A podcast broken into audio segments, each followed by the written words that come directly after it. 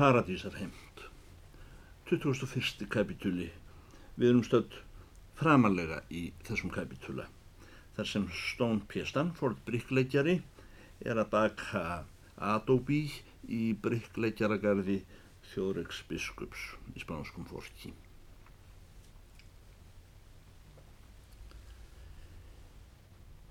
eins og áður þegar sólinn var rétt ókomin upp ber lúterstrúarmannin þar að. Hann gengur á mústins húni og finnur ekki brennivíni sitt. Mér leist reyndar aldrei á þig en það hefur þú reynst eftir því saði hann. Hvar er brennivíni mitt? Það kom kona, saði brikkleggjarinn og hún tók flöskuna út úr húnni og barðinni við stæðin. Og dægjurnar, saði lúterstrúamadurinn, samar við sig á nótt sem degi.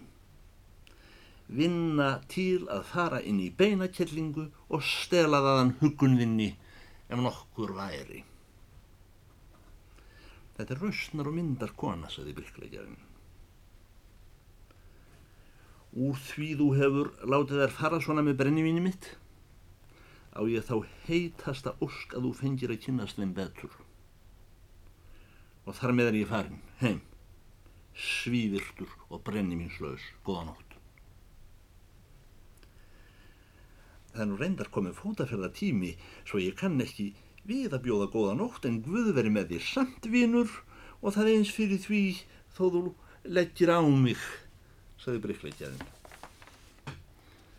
Hann fylgdi gesti sínum út úr gardinum að höfðingja sið.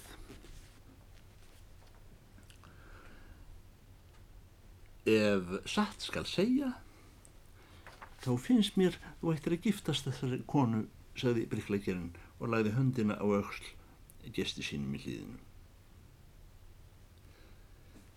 Ég hefði kannski gert það ef stelpan dóttirannar hefði ekki hótað að klína á mig krakka, saði lútistrúan maðurinn.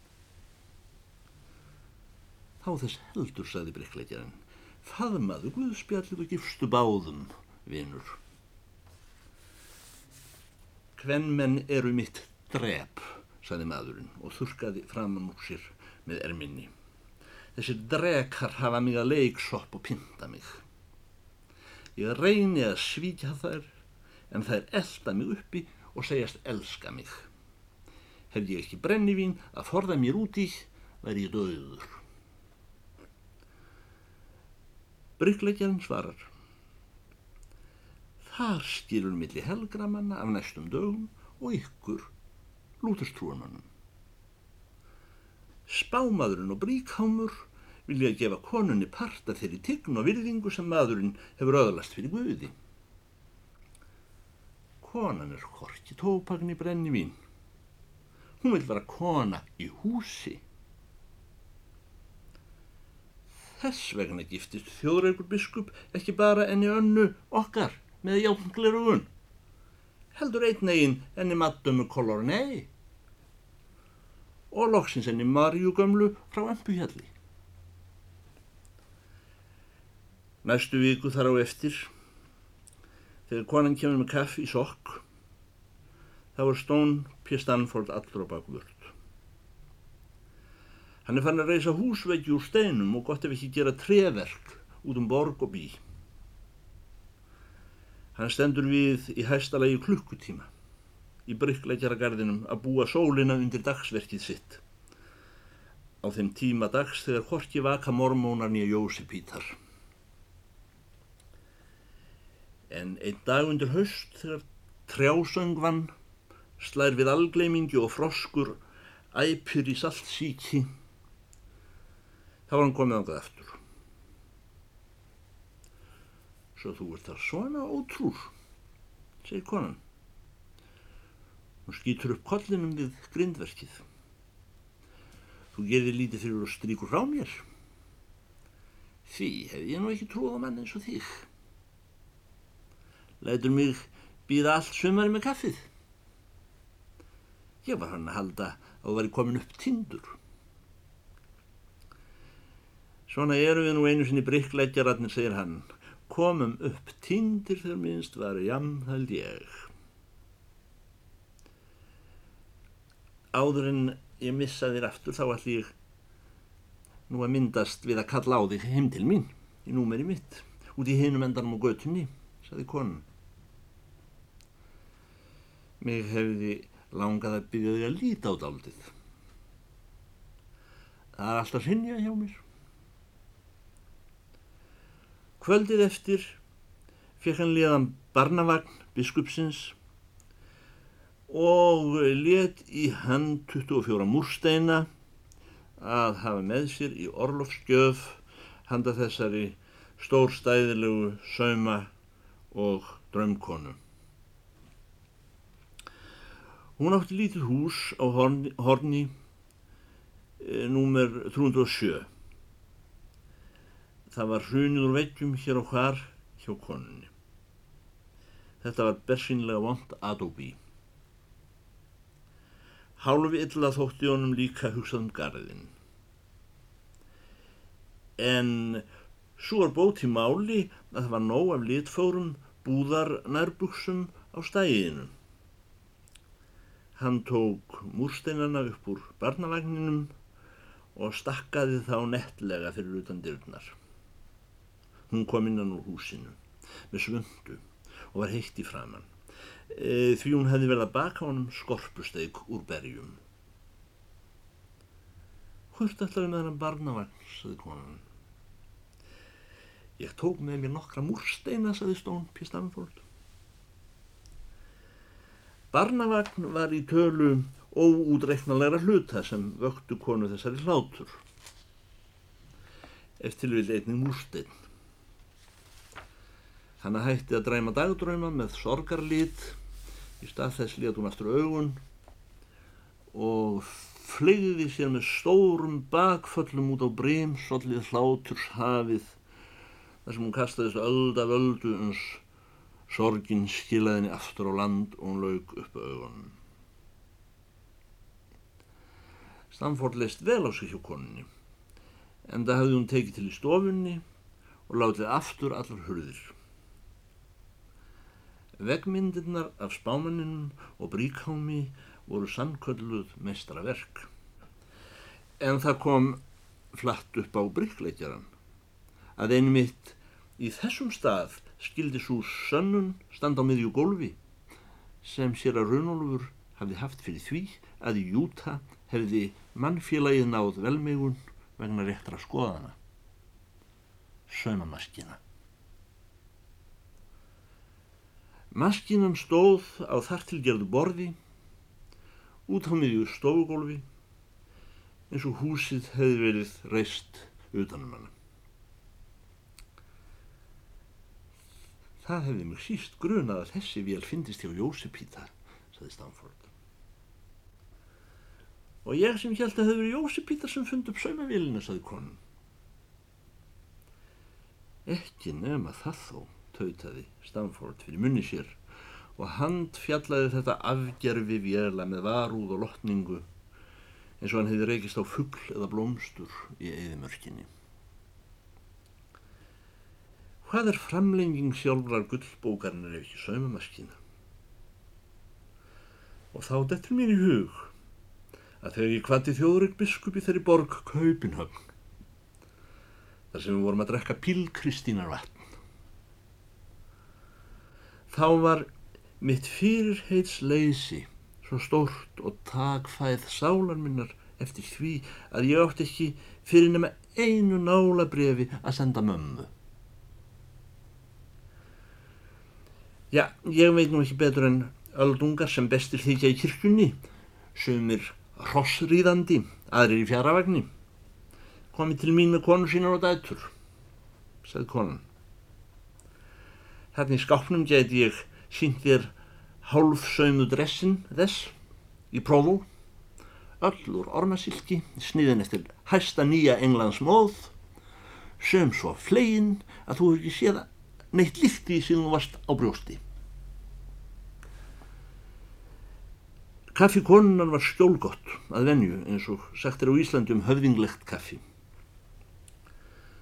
Hann drakk tvísvar hálfan botla með laungu millibíli og strauk í bæði skiptin flötum lófanir eftir hárin á sér sem reyndar ekkert var orðið annað hvort af því honum fannst það rýsa ellega svita sló út á skallahónum af óumræðilegum krafti sem fólst í kaffinu. Konan horfi á hann innan til úr laungum, myrkum, neðanjarðar draumi sínum. Hún var einn þeirra kvenna sem prýttar hafa verið í æsku með hafti við munnvíkið. Þetta temprar ekki aðeins brosið heldur heftir það í bókstaflegum skilningi. Og þó oft hefði tognað á því af ósjálfráðum hlátrum, tók sér fljóðlega aftur og var enn ekki með öllu orðið að hrukku eða grettu eins og verða villum heimsins dýrð. Konan starði svefnlega fram fyrir sig og gegnum mannin laumaði út úr sér döflegum veikróma aðtúasemdum við og við og dróðseimin.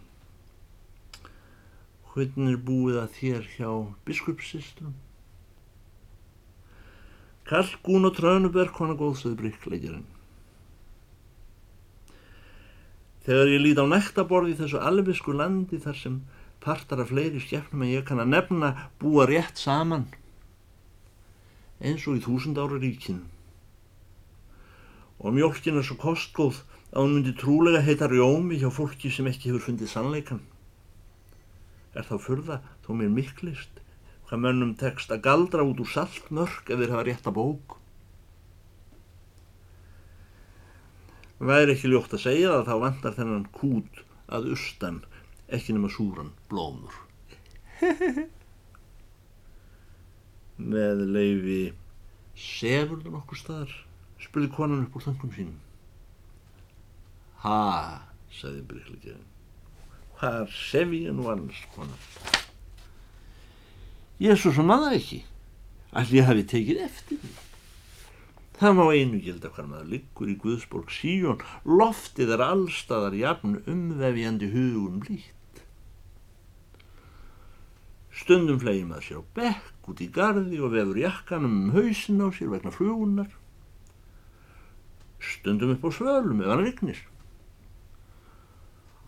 Oft í sömur gist ég í brygglagara garðinum var á múrsteinunum mínum. Nú er fyrir að kolna á nóttunni svo ég flegi mér á gólfi hjá honum sér að raunólfi. Ekki samt fyrir það að sinja farið að smá brjótast í mér hvort ég ætti ekki að reysa kofa og þó ekki sjálfsmí megna. Ég undirstand, saði konan. Ég mun hafa sagt þér á dögunum að ég ætti konu, saði hann. Uh, var það ekki á aftanverðu tónleinu, spurði konan. Ætli það fari nú ekki mest eftir því hvorum eigin tónlsins maður er stattur sjálfur, sagði bryggleikjarinn og brosti. Hvorum eigin sem hún kynna vera, er hún ekki í húsi þar sem hún er, spurði konan. Mikið loskup öllum á núna, gefa, sagði bryggleikjarinn, en sagan er ekki öll. Þessi góða kona ólum mér tvö börn. Pluma þau sig ekki eða hvað, sagði konan. Hafðu blessuð spurt, sagði bryggleikjarinn. Þegar ég horfi á þau sofa í barnesku sinni þá var sæla þeirra svo fögur að mér fannst hálf syrkilegt til þess að hugsa að þau skildu eiga eftir að vakna. Einu sinni held ég að ég myndi geta kept þeim kongsríki fyrir ross. En minna varður því og þó, hver veit, ekki er öll nótt út í enn, saði drauksi. Ég skal gefa þér þetta hús, sagði konan. Húsið þar sem þið erum stödd. Ef konaðinn kemur, ég skal ekki hafa neitt af henni sem hún á tilkatt til. Allt og sem sem ég byggðum fyrir okkur hérna er hlutdeild í virðingu góðsmanns. Hann hafði ekki fylgð ofan í barm sér síðan árið sem hann smíði í kistilin. Nú var hann aftur fann að róa fram í gráðið og þylja að fornum síð. Hún gætt séð af hunsfylli, hún gætt léð eittur umbæli. Mér var þessi eina kona sama sem þrjár konur þjóðræks biskups. 27 konur bríkámsjunga og það er 10.000 konur sem Guðin Búta er sáður hafi magan. Allt í hennu fór að togna á heftinu við munvíkið á konunni eins og hún sprakk. Hún hló vel og lengi. Hann hætti að fara með vísu og horða á hana. Hún sagði Ég vona bara að þessi konaðinn hef ekki verið eins og skrýmslið mikla sem gekk á landi Vestmannegjum þegar hann afi hans og runga var þar prestur. Hún varp öndinni og var hægt að hlæja. Hann let sér ekki fýpast en sagði ívið fastmeltarinn áður. Eftirlæti konu þessarar við mig, spratt ekki af því, hver virðingar auki ég vera henni fyrir Guð og mönnum. Því ég hef enn ekki verið maður til að gefa henni utan þetta nálabrjöf. Möndu þar sjá kona góð hversu líklegur ég er að gera aðrar konur virðulegar fyrir Guði úr því ég reyndist slíkur maður þeirri sem einn var mér allar. Upp úr þessu sest bryggleikjari niður og byrjar bref til velgerðamann síns fjóðriks biskups sem nú vafðist á fjarlægum vegum. Hann segir í brefi sínu að það er þarflust þó hann reyni að þakka kenningu sem biskup hafi flutt honum og þann kost hafi umfram aðrar kenningar að þeim mönnum vegnaði vel sem slíkum orðum trúðu. Hann segir að því meira sem hann hugleiði bók þá er Jósef fann í hólnum og bríkámur upphjælt fyrir líðnum.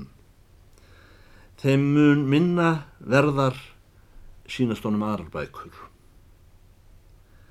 Það er erfitt að bera bríður á að svo bók sé rétt sem lætur rósu spretta á kalkfisti og þá er sannleikurinn eitt hvað annað en við höfum haldið um sinn, segir bryggleikjarinn. Ef það er fyrir líi sem eðimörkin er orðin að grænum haga ellegar ökrum, gulbrúnum með mæs og korn. Síðan segir hann af létta um framasinn í Guðsborg Síjón sem hann svo nefnir Jútaland að hætti þeirrar tíðar. Hann hefur bæði gerst bryggleikjari og húsagerðarmadur í Spánsforki og Grannsveitum.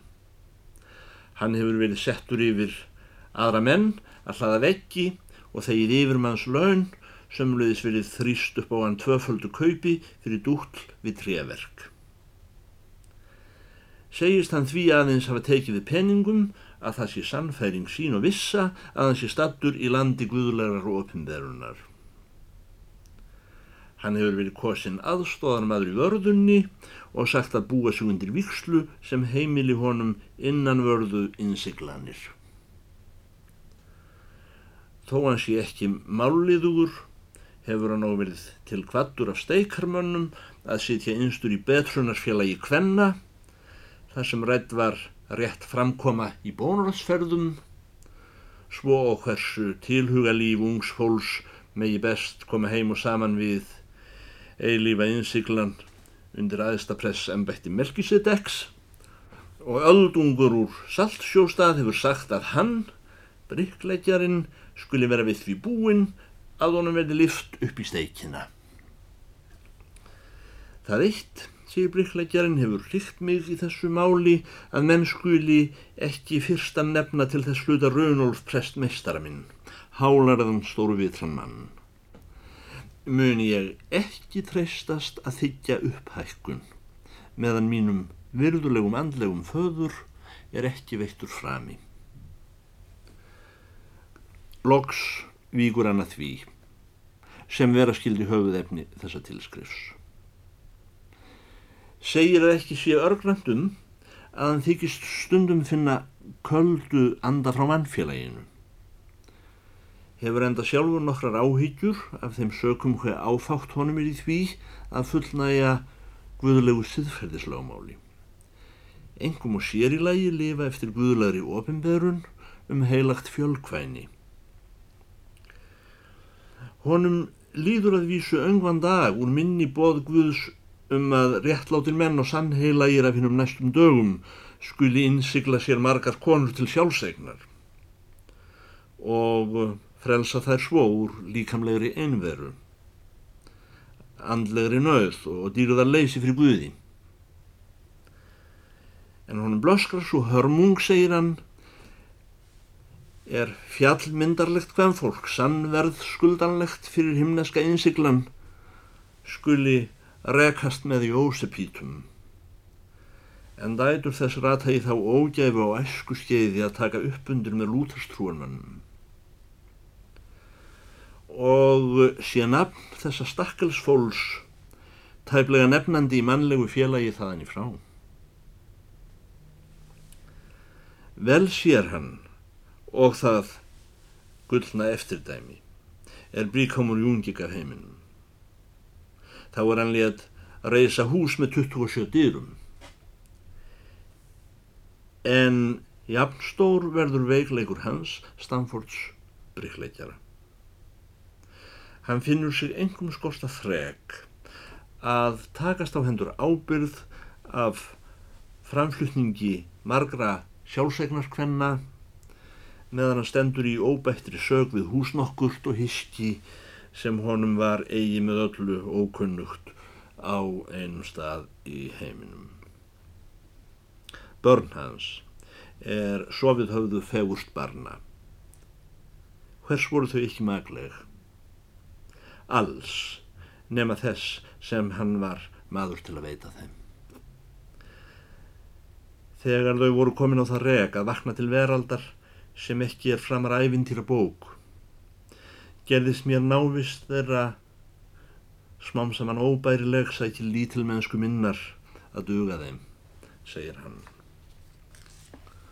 og svo kona sem var bonda sínum ástúðug og eftirlát með öllu. Hanna skildi hann eftir og var farin. Hann dók með sér hest og kistil sem hann nefndi sálarhest sinn og sálarkistil. Ætlaði vist að kaupa sér fyrir þessa gripi haminguna á markaðum eða minnst að kosti greifadæmi en fjekk nálabref og líkur tilskrifi Stone P. Stanfords bryggleikjara í spánsforki Guðsborg Sion, Territory of Utah til þjóðreiks biskups Mormons ventanlega ferðalegi í Danakonungsríki P.S. eftirskrift Ég legg innan í farareyri, í bankusöðlum, handa híski mínu og byrðir hafa fólk þetta í fariðínu vestur þegar þú kemur. Skal reyna að vera búin að reysa því hús úr múrsteini, STP Stamford.